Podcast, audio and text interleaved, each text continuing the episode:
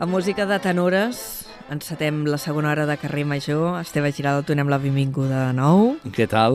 Això és, uh... Aquesta música a mi sona a teatre, no? Ara que parlàvem de teatre, no. ja ho deuen saber els, els nostres oients, no? Us- Que, que, Anna, que Anna Plaza és, Teatrera. és, és una dona de teatre. Eh, teatrera, I m'ha sonat gairebé allò, la, la música abans d'una escena, una Mira- escena transcendent. Doncs eh, vas bastant ben orientat, sí? perquè ja et dic que vaig buscar músiques de l'època de Joan Manyer i Flaquer.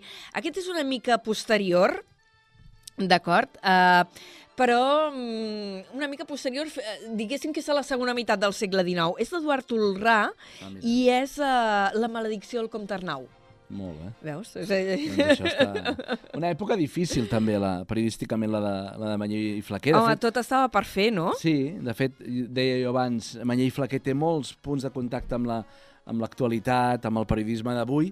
De fet, aquesta uh, superbiografia que tens aquí damunt Sí. de, la, de la taula, que els oients no poden veure, però els expliquem, és un, és un totxo de gairebé 700 planes, sense el gairebé, 714 planes. Sí, no, no. Avui l'anava transportant Bou. amunt i avall, que me'l un- volia mirar amb més deteniment i no he tingut temps, i m'ha quedat el braç una mica tonto, eh? Sí, perquè també serviria per fer allò una mica de pilates a casa o el que sigui. Sí.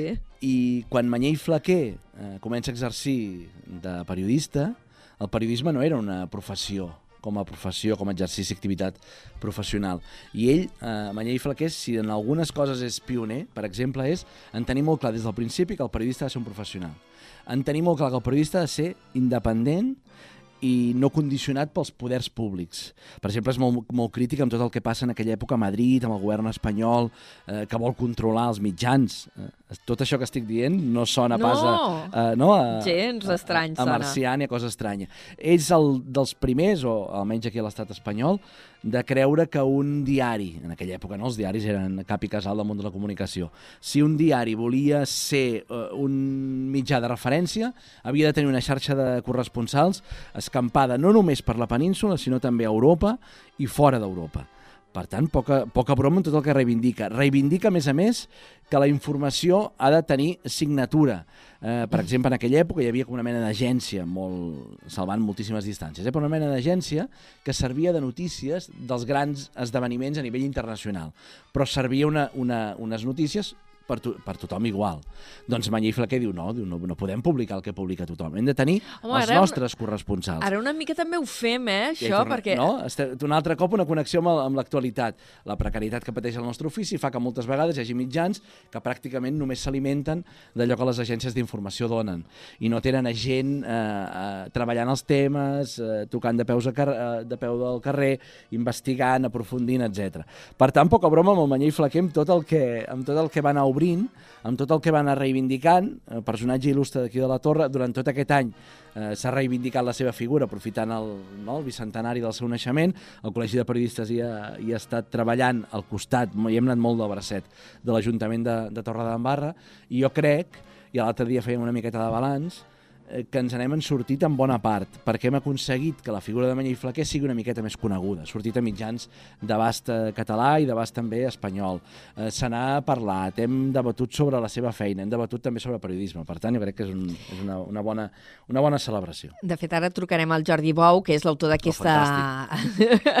ara, ara, ara el tindrem per telèfon, que és l'autor d'aquest magne treball, d'aquesta biografia eh, de Joan Manyer i Flaquer, que eh, el subtítol és La notícia com a estil de vida, i ara ell ens explicarà el perquè. Per cert, divendres passat, aquí a Torre d'Embarra, també amb aquesta capitalitat del periodisme que podem Sí. dir que, que, que s'ha instal·lat aquí al municipi, vau fer una jornada professional parlant precisament de la, de la seva figura, de com era el periodisme al segle XIX, de periodisme i catalanisme. I vam parlar com, molt de periodisme també avui, Com va anar? vam parlar molt d'història, vam descobrir, jo crec que... Què vas descobrir? O vam parlar de coses molt interessants, no sé, eh, en, Jordi, en Jordi Bou ja t'ho explicarà, però ell reivindica que tota aquesta època de, de mitjans del segle eh, XIX és de les èpoques de, de la història de Catalunya i d'Espanya poc conegudes. Així com, per exemple, hi ha mil llibres, mil documentals, mil treballs sobre, per exemple, la Guerra Civil o, o la República, Sí. etc.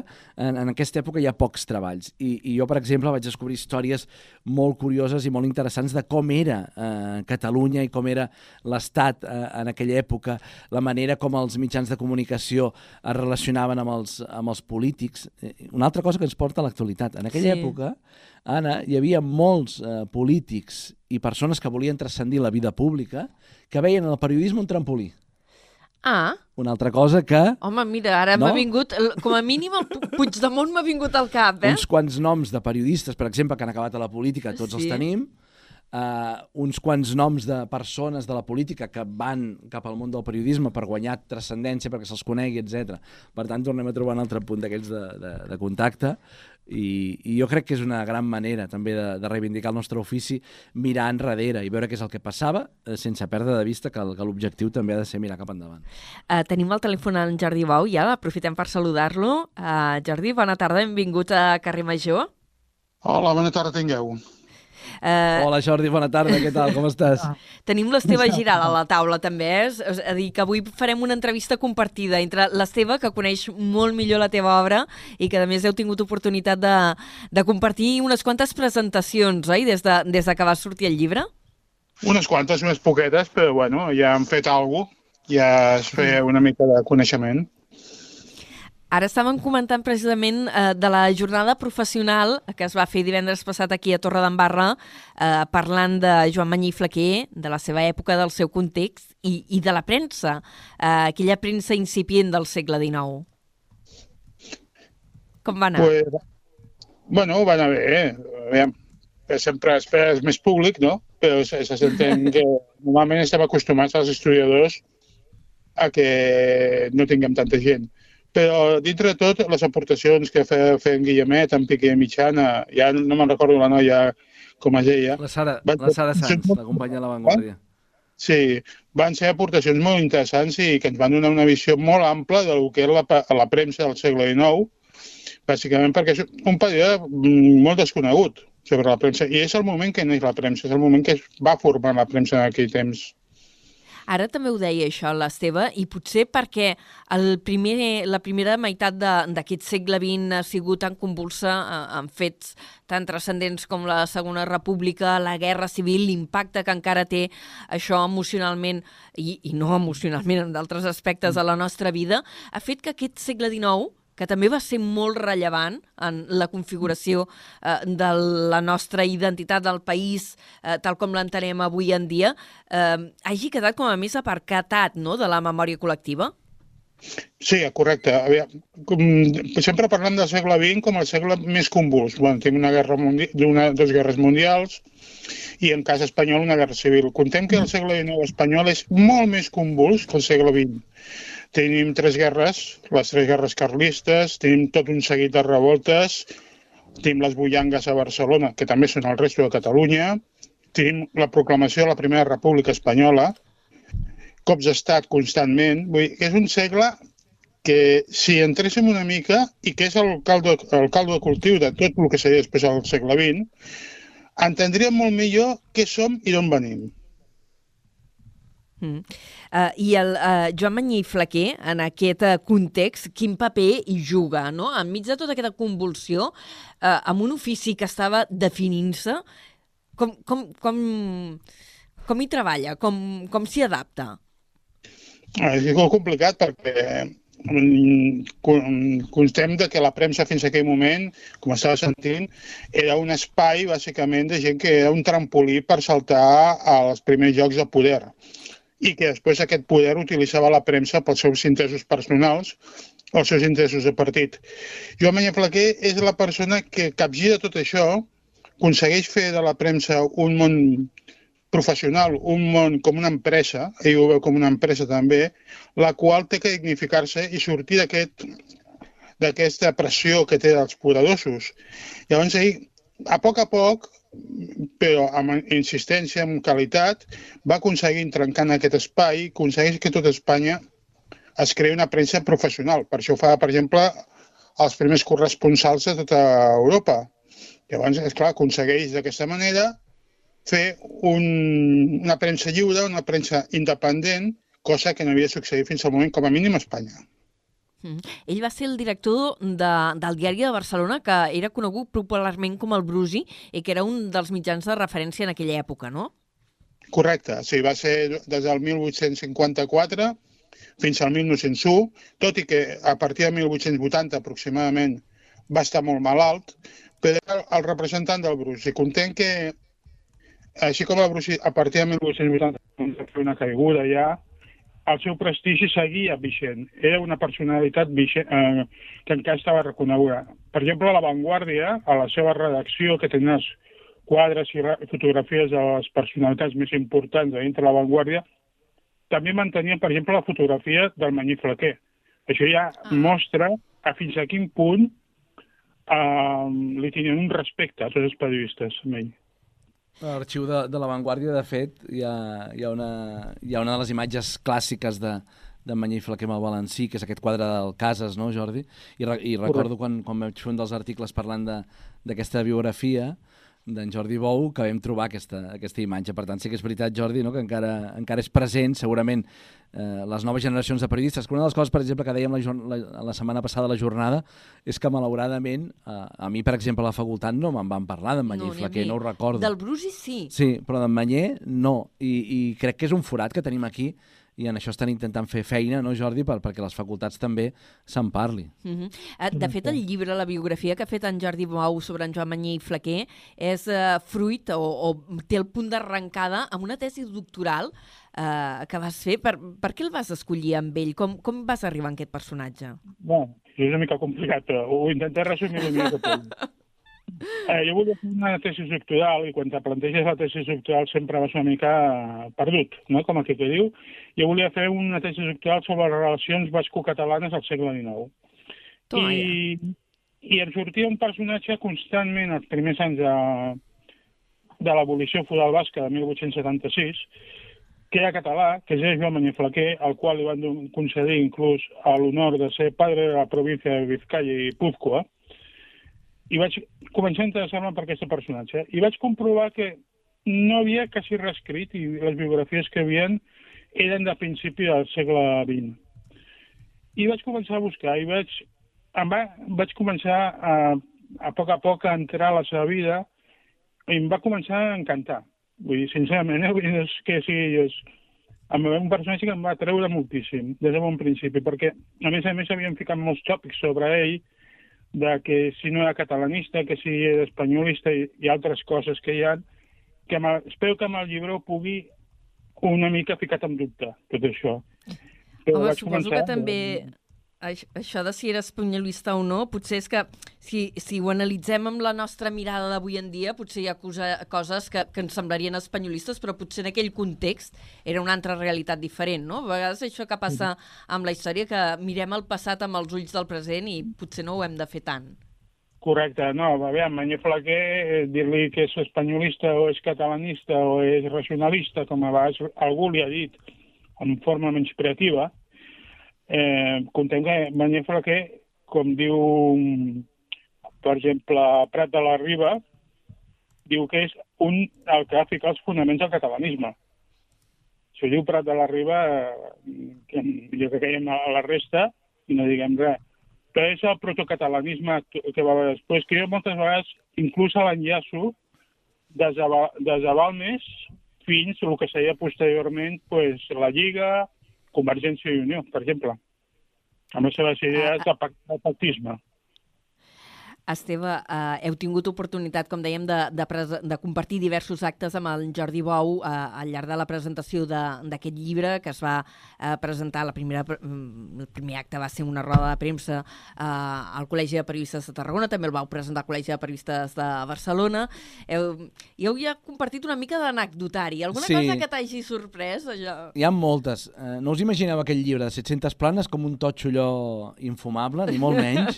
eh, hi ha moltes històries històries d'històries, hi ha moltes anècdotes, hi ha, per exemple, eh, i no faré spoiler, només que sigui un next coming, eh, periodistes que es batien en, en, en duel. Què dius? Periodistes que es batien en duel. Home, que, que sossos eh, que som ara, El, el punt de l'enemistat arribava tan, a, a un punt tan, tan bèstia Home, que tu i jo, per exemple, ara imagina que rivalitzem per no sé quin tema que estem eh, treballant periodísticament o perquè tu defenses no sé quina postura i jo et dic, Anna, Uh, Em diumenge a la a les 12 a la plaça d'aquí de, del Castell Eh, sí, anem a la plaça del Castell i què? i ens batem en, en, en, I com ho en, fem? en, Amb duelo, en, en català no sé com si seria... En duel, en duel, en no, en duel. duel. Uh, i, i Pistoles o espases, Esteve? En, uh, en aquella època, Jordi, crec que pistoles, no? Seria o no? Eh, Suposo el pistola es passa, no ho sé. No tinc molt El clar com ho va fer. passa. el- Bueno, ara estem fent broma, bueno. però això no és per fer això, és, broma, eh? això és una anècdota, però per exemple la jornada que fèiem la setmana passada, una Sí. de les coses que em va cridar més l'atenció gràcies al no, en Guillemet, en, eh, tot el coneixement eh, que es va posar damunt de la, de la taula, la importància i la transcendència que tenia la premsa satírica. Perquè Sí? en aquella època, clar, tots ho sabem, però a vegades no en som prou conscients, hi havia un grau d'analfabetisme brutal. Per tant, els articles que feien els periodistes se'ls llegia una petita part de la societat. I, en canvi, les, les tires còmiques, satíriques, arribaven a les tavernes, a les barberies, a, a tot arreu. I els diaris els llegien, els que sabien llegir, als llocs públics.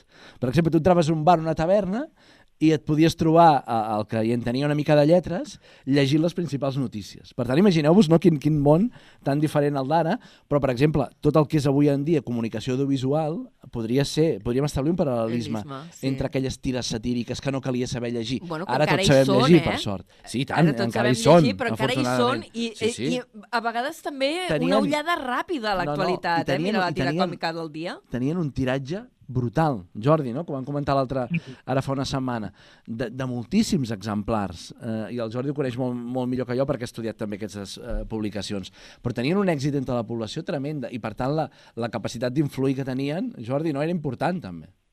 Home, recordem-se el cas del Cucut, Això que és el més famós, que van entrar els militars i van cremar inclús la redacció per un, per un dibuix satíric que va fer el Cucut contra els militars.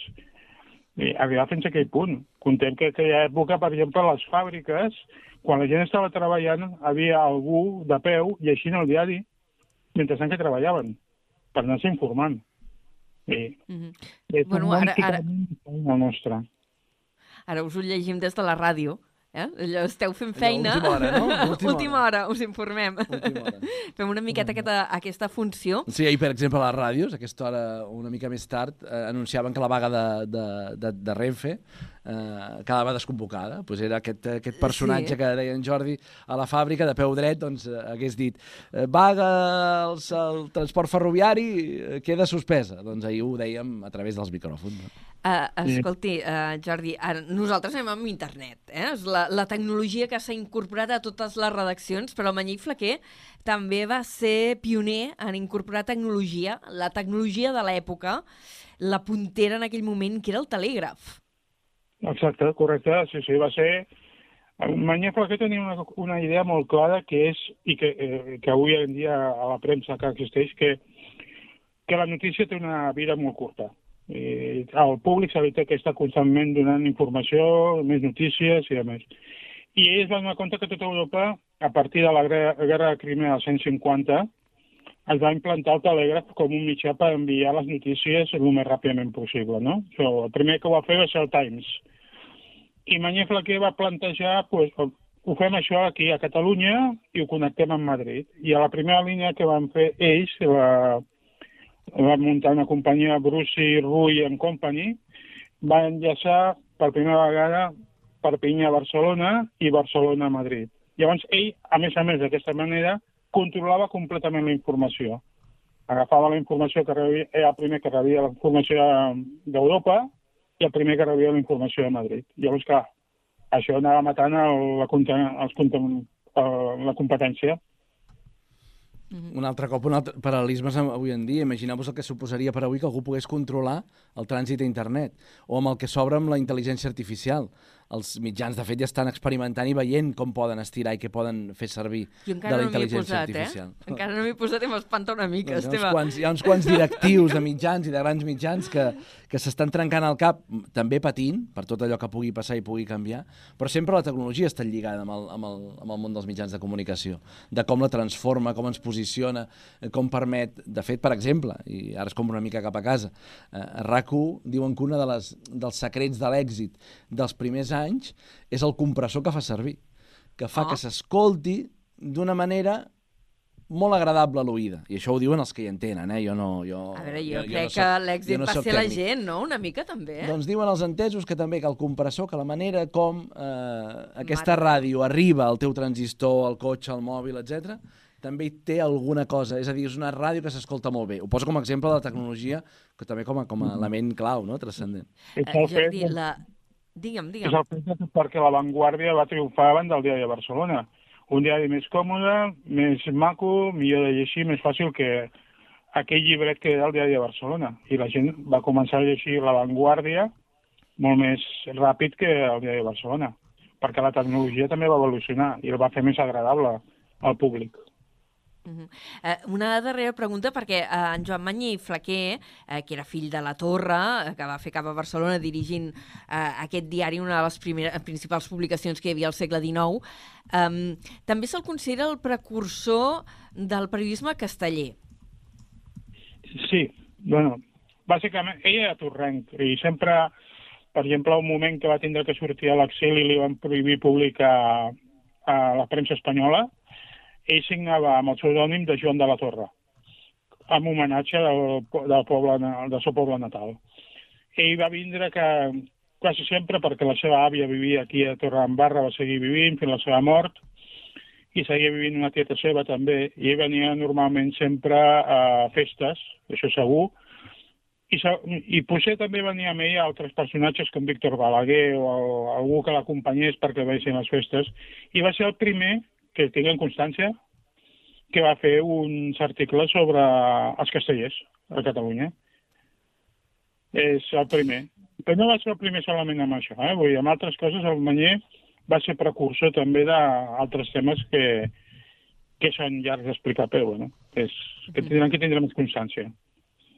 Hem fet una petita pinzellada sobre la figura d'en Joan Manyer i Flaquer, que dona per molt, eh, dona per un llibre de, de 700 pàgines, que és la seva biografia, que, que signa en Jordi Bou. Li agraïm molt que hagi atès avui la nostra trucada i fins la propera. Però moltes gràcies per tot. Bona tarda, tingueu. Fins ara. Bona tarda, Jordi, gràcies. Més de 20 anys, eh, el Jordi Bou, treballant la figura de Manyer i Falquer. Ara mateix és el màxim especialista eh, en Manyer i Falquer que hi ha a Catalunya. N'hi havia d'altres que també havien explicat moltes coses d'aquest Sí. eh, personatge. Doncs en Jordi, ja, Ja, que a més a més és torrenc, Ho hem doncs, rematat. Doncs és el, ara mateix és el número 1. El llibre, a més a més, editat amb el suport de l'Ajuntament de, De de, Torredembarra. Aquest, aquest tipus d'obres, si no, seria difícil de poder-les tirar endavant. Uh -huh. Encetem ara una altra fase del programa i posem música també.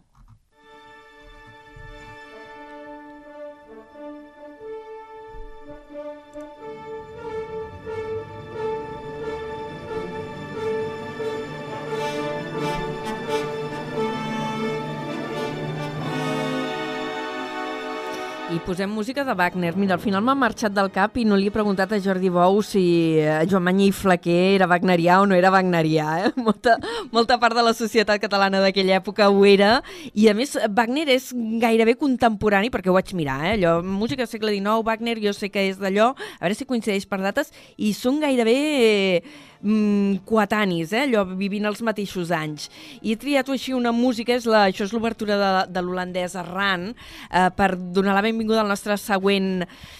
Uh, no, ara ho explico. No, Rafa Marrasser, no em miris amb aquesta cara, perquè necessitava una cosa emocionant per presentar-te. Així com la carta de presentació. Exacte, Wagner, l'holandès Arran, no sé jo. Eh, No, perquè és, em- és emocionant, perquè estava visualitzant aquella portada del llibre de la gran explosió, aquella gran flamarada, aquella gran cosa, i necessito algo potent. Està ben argumentat? Est- Bueno, ara diguem que ho, ho has encaixat millor, Ara però d'entrada estava bastant perdut, eh? No, no No sé, jo, jo em faig les meves pel·lícules mentals. Uh, ja hem dit qui és el convidat, el nostre següent convidat en, a, en aquest programa especial que estem fent de Carrer Major des de, de Torredembarra parlant de periodista és en Rafa Marrasser, uh, responsable de Porta Enrere, i que a més avui ets finalista. Mm, què? Com van els nervis? Bueno, no, Jo no sé res, eh? I l'Esteve ho sap, però no t'ho dirà. Tampoc s'ho preguntaria, no? Eh, Només faltaria, no? Encara que sigui periodista no puc preguntar, això és obvi, no? Bueno, més que nervis és incertesa, no? Al final ja també és una il·lusió estar a la final, no? I està en un format que jo no havia tocat mai, que és el tema, és, és documental. Jo sóc un periodista, sempre he fet premsa escrita, podríem mm -hmm. dir, tot i que he col·laborat, a vegades he fet alguna cosa de ràdio, però molt poqueta cosa. I llavors fer un documental que a més es va poder emetre pel Sense Ficció eh, de TV3, que diguem que al país no seria pues, el programa emblema de documentals i en prime time, i fent un tipus de recerca que ens va costar molt fer, pues, eh, ja va ser un orgull, allò ja va ser un premi que, que el poguéssim emetre i ara pues, eh, el jurat del Banyefla que ha considerat que, que, que ens mereixem estar com a mínim a la final i, bueno, pues això és un... Ja diguem que és un premi també, no? Si, si no l'han vist, Anna, perdona... No, no, és que anava aquí, a presentar-lo, no? eh? El Un moment, eh, no, Esteve, no et tallo. Que, que no se'l perdin, eh? que no se'l perdin. No, que... jo el vaig veure en directe, ara ja em perdo dels detalls, eh? però el vaig veure en el seu moment quan es va emetre el Sense Ficció. El treball Insostenibles, una producció... Eh, no sé com va anar la producció, es va emetre dintre del Sense Ficció. Ara, ara si I sí, ara ho explicarem. El signa el Rafa Marrasser, Uh, sou finalistes en la, en la categoria de Camp de Tarragona. Es pot veure és, la carta. Es pot veure la carta. Es pot veure, exacte. I a la plataforma 3CAT, uh, els signes juntament amb en Christophe Sion, uh, que és el director, i la Maria Roig, la que Maria també Roig. va ajudar en temes de, de producció. Com neix aquest projecte? Va, va ser encàrrec de Sense Ficció? No. Era d'un treball que ja portàveu fent? Com, com va començar tot? No, de fet nosaltres li plantegem el, el Sense Ficció, no? O sigui, això, tal com a, sobre el documental, eh, hi ha algun membre del grup GPEC s'adona, no? perquè nosaltres al final el que explica el documental és la importació de residus des d'Itàlia, bàsicament a Catalunya, i la falta de control flagrant sobre aquests residus que pot provocar pues, una sèrie pues, de malalties, pot haver-hi de tot, i pot haver el crim organitzat, i això de fet no és que ho diguem nosaltres, ho diuen els comandaments policials, que, que aquesta importació de residus podria tenir perfectament el crim organitzat italià darrere, i és un membre del, del grup ecologista GPEC que contacta amb mi primer i amb el Christophe Sion, que nosaltres ja ens coneixíem del documental És a l'aire, en el qual jo era un entrevistat simplement, ens contacta per separat per dir-nos que han detectat que algun vaixell, que començaven a arribar vaixells procedents de Nàpols i que podrien portar residus. Llavors jo vaig... És que, de fet, a, a Nàpols, en aquesta regió italiana, el tema de la brossa és un, és tema...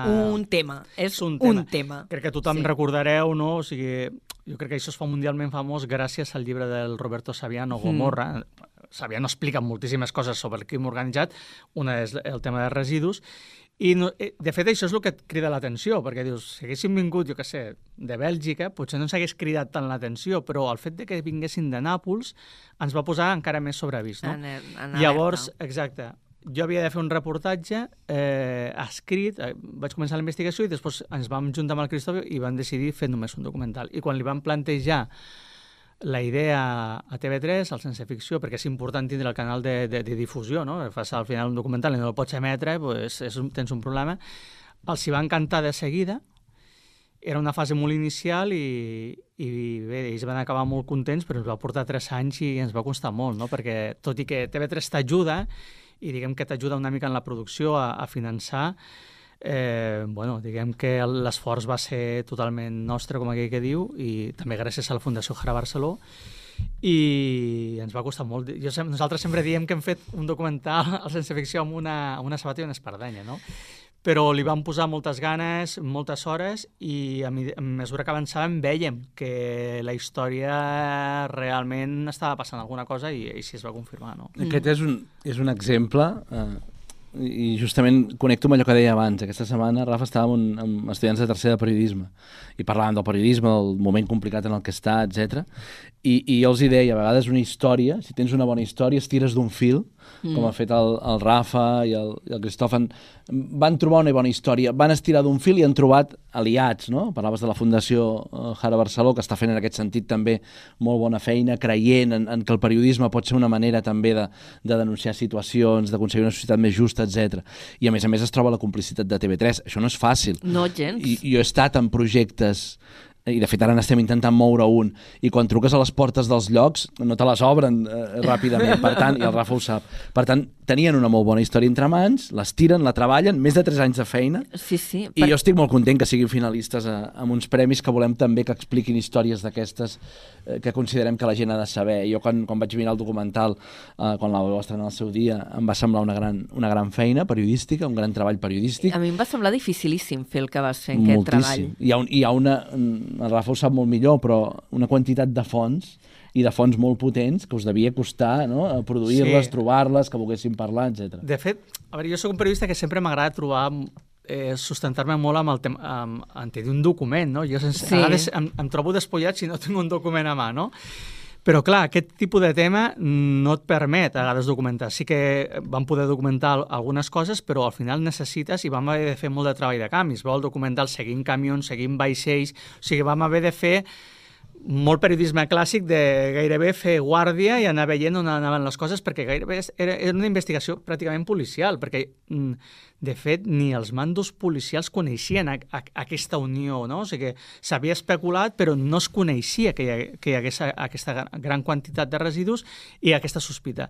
Llavors, és, com diu l'Esteve, eh, vam haver de preguntar molt i anar a trucar a les portes més altes que hi havia, no? Intentar parlar, doncs, vam parlar amb el comandant del Seprona a nivell estatal, tot i que és un que és per és, eh, sembla molt jove, però és que és el, és el màxim eh, eh, comandament del Sepronas a l'Estat i amb el cap dels Carabinieri a, a forestals a, a Roma, que aquest eh, havia sigut eh, ministre del Medi Ambient italià feia un parell d'anys, o sigui, estem parlant que és, està destacat...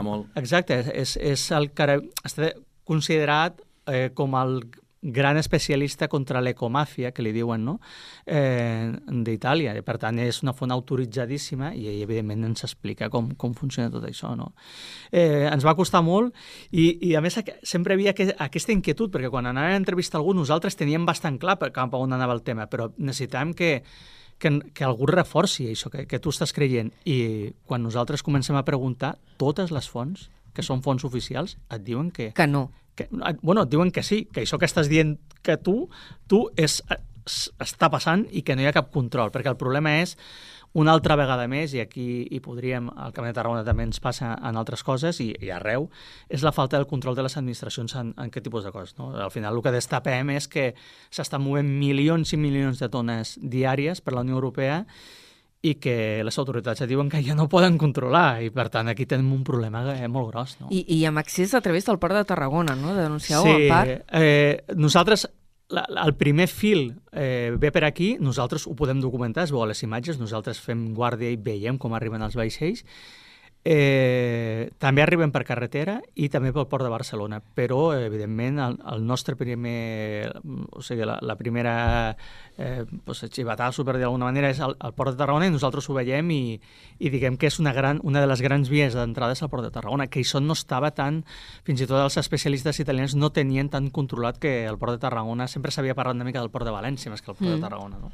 I aquí, aquí hi, ha un, hi ha un punt que també el, el jurat ho va valorar perquè aquest treball sigui, sigui final finalista, que a mi m'agrada molt i que sempre reivindiquem des dels Premis Mañí Flaquer, que és un periodisme podríem dir-ne local. De fet, tots els periodismes són locals, perquè tots els, periodistes, tots els periodismes es fan, una... es fan en algun lloc. Sí. Però un periodisme fet en una, no en una zona central, com pugui ser Barcelona, Madrid, o en una gran ciutat europea, fet des de Tarragona, com es tira un fil que des de Tarragona els porta a un munt de llocs, no? a Itàlia, a altres punts de l'estat espanyol, i és una de les coses que vam, que vam voler valorar també, no? com el periodisme pot tenir aquesta capacitat de transcendir. Al final, el bon periodisme és igual que es faci a Tarragona, a Mòstoles, a, a París, a Lió o, o al Perú. Uh, no? I, I això crec que també és una gran, una gran lliçó d'ofici no? per, per tota aquesta gent jove també que, que els Manyifla que volen ser una manera de reivindicar l'ofici. També n'hi ha, eh, de gent jove entre molta els nominats. Molta gent jove, també entre els nominats. Molta gent sí. jove. Clar, és que això que diu l'Esteve és, per mi, és una de les claus, i això és una cosa que s'ha d'entendre, i, i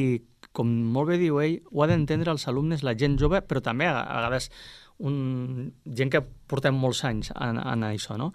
És, com diu l'Esteve, tot el periodisme és local. O sigui, el fet de que transcendeixi més o menys és de la importància que tingui aquella ciutat dins de l'ecosistema del país. Per exemple, el Watergate, que era? Era periodisme local. El Washington uh. -huh. Post era un diari que estava considerat un diari local. O sigui, no, era el New York Times, diguem que el gran mitjà estatal dels Estats Units. Però al final allò que és, és periodisme local, bueno, sí, afecta el president dels Estats Units, però bueno, perquè està passant allí. Al final s'entenen uns periodistes de local que no eren sí. gens especialistes en, en altres coses. De fet, no eren els primers espases d'aquell diari, no? Per tant, al final, tu sempre treballis on treballis, ho has de treballar amb la mateixa rigorositat, la mateixa professionalitat i la mateixa empenta com que si estiguessis treballant al New York Times. Això sempre ho dic jo, no? I jo recordo, perquè jo vaig fer la, jo vaig fer història com a carrera, i hi ha una cosa molt interessant i, i ara fa molts anys que no parlo amb ell i, i, i tinc moltes ganes de, de, de dir-li, eh? ja, ja li havia dit fa molts anys, quan jo vaig començar la carrera, eh, l'Eudal Carbonell El va arribar... fa quatre dies aquí al programa. Va arribar a classe... Un mestre. Va, exacte, un mestre, un, un visionari, Sí, més que un sí. mestre, una persona que anava avançadíssima al seu temps, i jo t'estic parlant quan estudiava, evidentment, no? I va arribar a classe, eh, primer que ja va arribar amb dues pedres, i va començar no, amb dues pedres... A, A ensenyar-vos com se feien les eines, Exacte, oi? això és el primer. O sigui, la primera paraula que va dir és base positiva, base negativa, i nosaltres ahir dient, eh, esperàvem nosaltres que ens expliqués el Juràssic, imagina't, no?, en aquell moment. Llavors, ella, eh, una de les coses que ens va dir al començament, dieu, vosaltres, ahir nosaltres estem a l'edifici de, la, de la plaça Imperial Tarragona, va dir, no heu de tenir enveja a cap estudiant d'Oxford, de Cambridge, de Harvard, de Yale, i tots nosaltres ens en fotíem, bàsicament perquè dèiem, a veure, estem aquí, eh, un edifici superantic, no tenim gaire bé el laboratori de prehistòria, no t'explico com era, no? I, Sí, eh, estem parlant de la plaça Imperial, eh? Eh, la universitat Imperial a no estava plaça- fet a Avinguda Catalunya, d'acord? Llavors et deia això, i som als anys, t'adones que és cert, perquè al final sí, hi ha altres mitjans que té moltes eines, però al final la principal eina de l'investigador, del que sigui, és la seva pròpia voluntat i la seva capacitat i la seva eh, feina. És veritat que si tens més eines tot és molt més senzill, el que diem, no? Nosaltres si haguéssim tingut més eines, més recursos, potser ho haguéssim fet en menys temps, etc. Però al final depèn molt de que tu t'ho creguis. Si tu, si només esperes que t'ho facin, el periodisme no es fa sol, no? El periodisme no es fa sol, ni, ni, ni, ni, ni el món de la història ni l'arqueologia es fa sola, no? Uh, el Rafa Marrasser, um, jo quan et vaig conèixer, perquè et conec de la mateixa època que vaig conèixer la seva Giral, que fa a prop de 20 anys o més. Més, jo, més. Més, més. Ah, no gaires més, però sí. un Pocs. 15. No, no, 20, 20, 20 i escaig, 20 Sí. i pocs. Uh, treballaves al Punt, Sí, que abans correcte. li dèiem ell, havies arribat a ser una redacció molt important i molt gran a Tarragona, Ja va ser una llàstima. extinta, Sí. uh, que en vau sortir gent molt bona. Però tu, tu recordo que feies esports? Jo feia ser? esports, i, i et diré més, feia esports, i, però no feia tots els esports, només feia bàsquet, que és una cosa que això ara so, sona raríssim, però jo estava encantat perquè això va ser una gran idea de, del punt al seu moment perquè tenies els periodistes molt especialitzats Exacte, llavors, sí. clar, aquella gent controlava molt el seu àmbit, no? Vull dir, perquè tenies les fonts i tal, i no et perdies en el marasme, perquè eh, si havies de fer nàstic, eh, eh, club basquetà, m'entens? Llavors, cadascú estava molt especialitzat i això jo crec que ens permetia fer un producte molt digne. De fet, és una de les coses que sempre parlem amb els seus companys, mantenem una molt bona relació gairebé tots, perquè érem quasi tots de la mateixa quinta, eh, que va ser una llàstima aquella redacció que es perdés, perquè hi havia, jo Algú- crec que hi havia un per- grup humà pf, Per brutal. cert, algú que hi va passar una mica tangencialment, però hi va passar la portaveu del govern, Patricia Plaja. Sí, sí. Bueno, no, tan, no eh. tan tangencialment. No, no, van ser, uns, van ser... Van ser els seus anys de, de, de més escola, amb la Patricia, Sí. a més a més el Rafa la coneix molt bé. Exacte, també. perquè van Ella va coincidir. començar a fer-se aquí una carrera com a periodista de successos en aquella època, Sí. la A, Patricia. a més, havies de competir, i havia de competir Sí. amb Àngel Joan Del- Pere, Joan que és Del diari de Tarragona. Exacte, que és, diguem, que el factòtum de successos de la província històric, vull dir, amb la qual la competència era... I recordo que ella va plantar cara d'una manera Brutal. digníssima, Sí, sí, digníssima. venint de fora, sense cap contacte.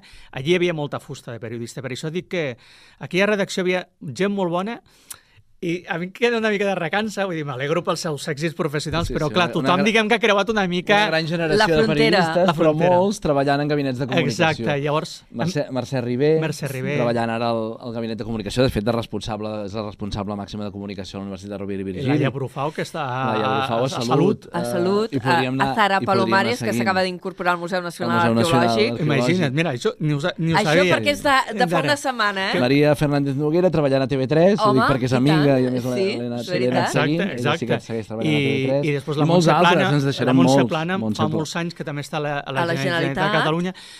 Em, Ens és una mica llàstima... molts. Jesús Jordi, Jesús Jordi ara està a la URB també. Sergi Casado... Eh, és una gran generació de periodistes, aquell. Allí va haver una gran... I és això, i...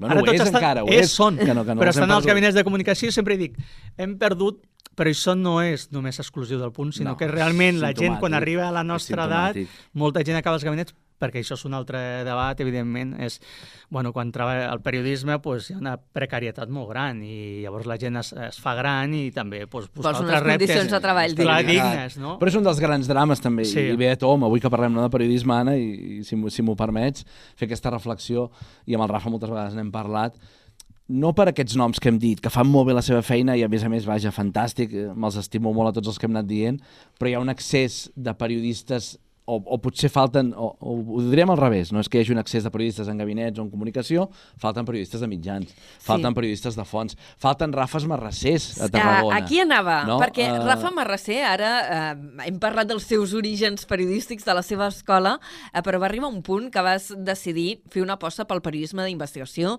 Tens aquest portal al Porta Enrere que per diversos dels teus uh, projectes i articles allí ha- has estat premiat i a més uh, també t'has especialitzat molt en tot el tema de la química, amb un gran tema com amb un gran llibre com, com és el, La gran explosió, que en el seu moment també en van parlar aquí al Mm. programa, que de seguida saludarem el seu coautor, eh? De, tindràs oportunitat de dir-li hola, Toni Lorenzat. Exacte, perquè dic, no l'he escrit jo solo, eh? l'he No, fet no, amb el no, Toni, amb el Toni Lorenzat, que ara el saludarem que també és, de que, és, seguida. que és un fora de sèrie, no? Eh, ara no descobrirem aquí Toni No, no, que, vamos, eh, és un mestre de mestres, no?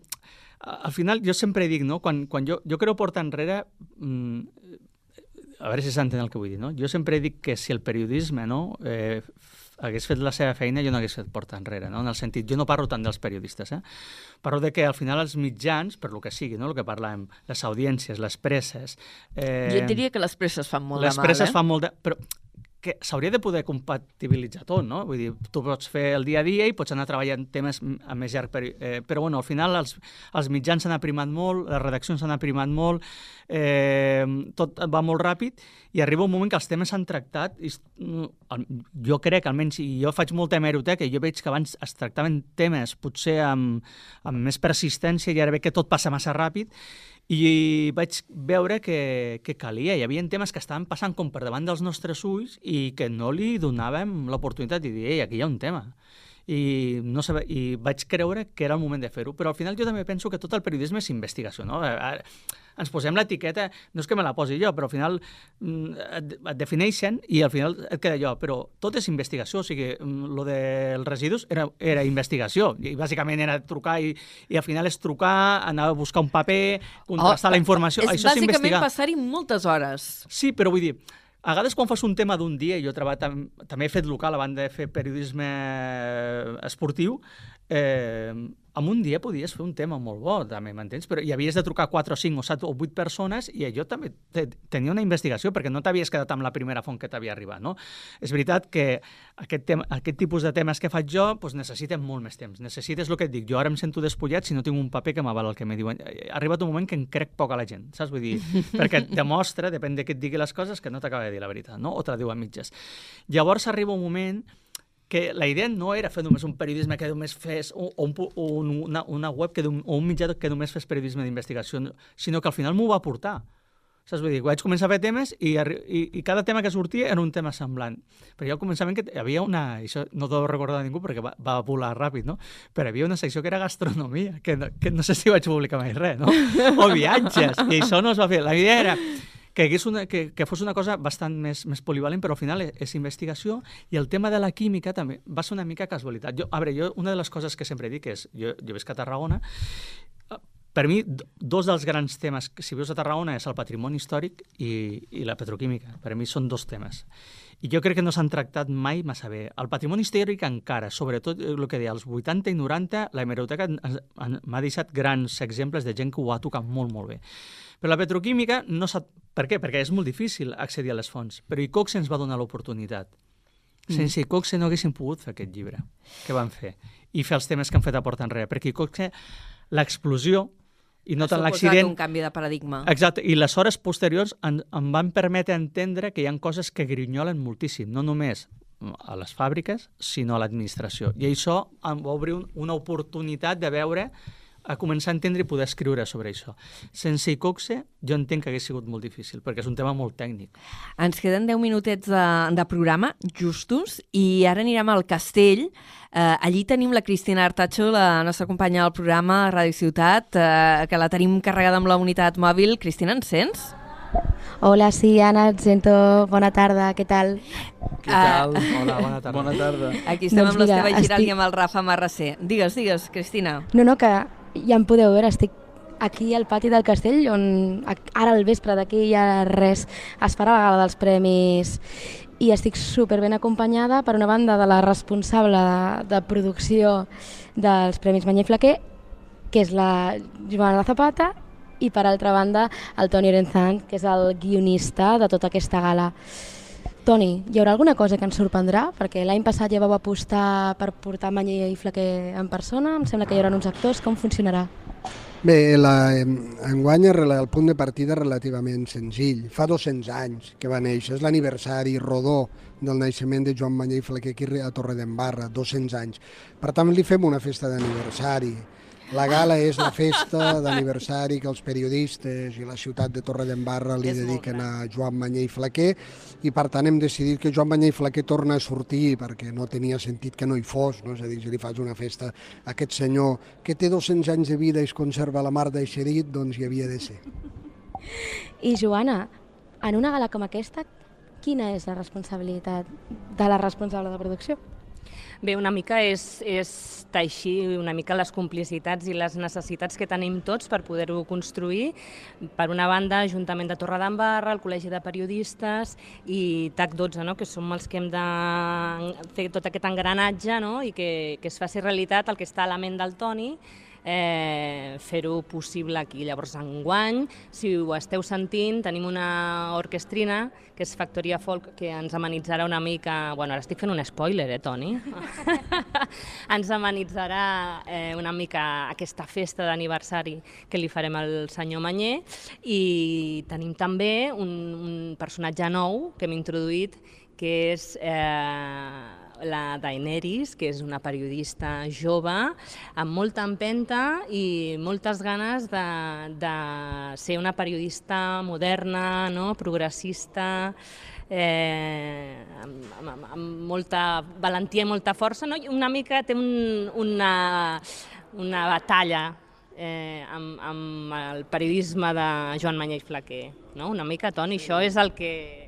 La Daenerys Gutiérrez és, és la jove periodista, és el contrapunt amb un periodista de fa 200 anys, amb tot el que implicava ser un periodista home fa 200 anys. El Manyell Flaquer, gràcies a la biografia, diguéssim, editada recentment de, de, de, de, de, del, del Jordi Bou per l'Ajuntament de Torredembarra, sabem doncs, que era com tants, tants prohoms d'aquests del segle XIX que realment tenien una gran vida pública, i les seves dones a casa feien vida do, eh, eh, mocs i fogons. Vale? I Manyà, en aquest sentit, com tants homes del segle XIX que van triomfar, que dius, com podien fer tot el que van fer? Doncs perquè no paraven a casa. I a casa la vida domèstica la portaven les dones. Per tant, és el contrapunt entre aquest senyor del segle XIX i una periodista jove, mmm, feminista, alliberada, i bé, i xoquen, tenen algun xoc. I no ho hem comentat, però sí, la Joana és la responsable de producció, però també està nominada en dues de les categories. Si no m'equivoco, per un projecte sobre bombardejos de la Guerra Civil i un altre per exiliats nazis. No sé què ens pots dir i si estàs nerviosa a veure si caurà algun premi. Bueno, estic eh, en primer lloc agraïda i contenta d'aquesta, no? d'estar de, entre els finalistes en aquestes dues categories. Eh, els altres treballs són molt, molt, molt potents, per tant, eh, jo entenc que bé, s'ha de veure una mica com evoluciona la nit i si em tocarà córrer o no em tocarà córrer, això ja ho veurem. Són 20 anys d'aquests premis. No sé quina valoració es fa de que un, un poble com Torredembarra doncs, pugui tenir uns premis tan potents de periodisme aquí i que se segueixin celebrant després de tants anys. Home, ja és, eh, està molt bé, és a dir, en el fons són un dels premis de periodisme més ben dotats econòmicament de l'Estat, de l'Estat, no només de Catalunya. I per tant, diguéssim, és un incentiu pel periodisme, per fer bon periodisme perquè el jurat també és un molt bon jurat. Per tant, no guanya qualsevol treball, sinó que són obres, diguéssim, has de passar un bon filtre, un molt bon filtre.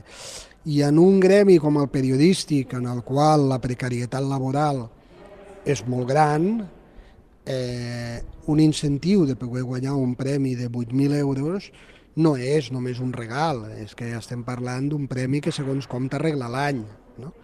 Per tant, és una qüestió que, que, que està molt bé pel, per, per, com a incentiu de fer bon periodisme, però a banda està molt bé perquè li pot arreglar segons quins periodistes l'any que sovint insisteixo i a vegades la gent possiblement això no ho sap, el periodisme està, és un gremi en aquests moments molt mal pagat.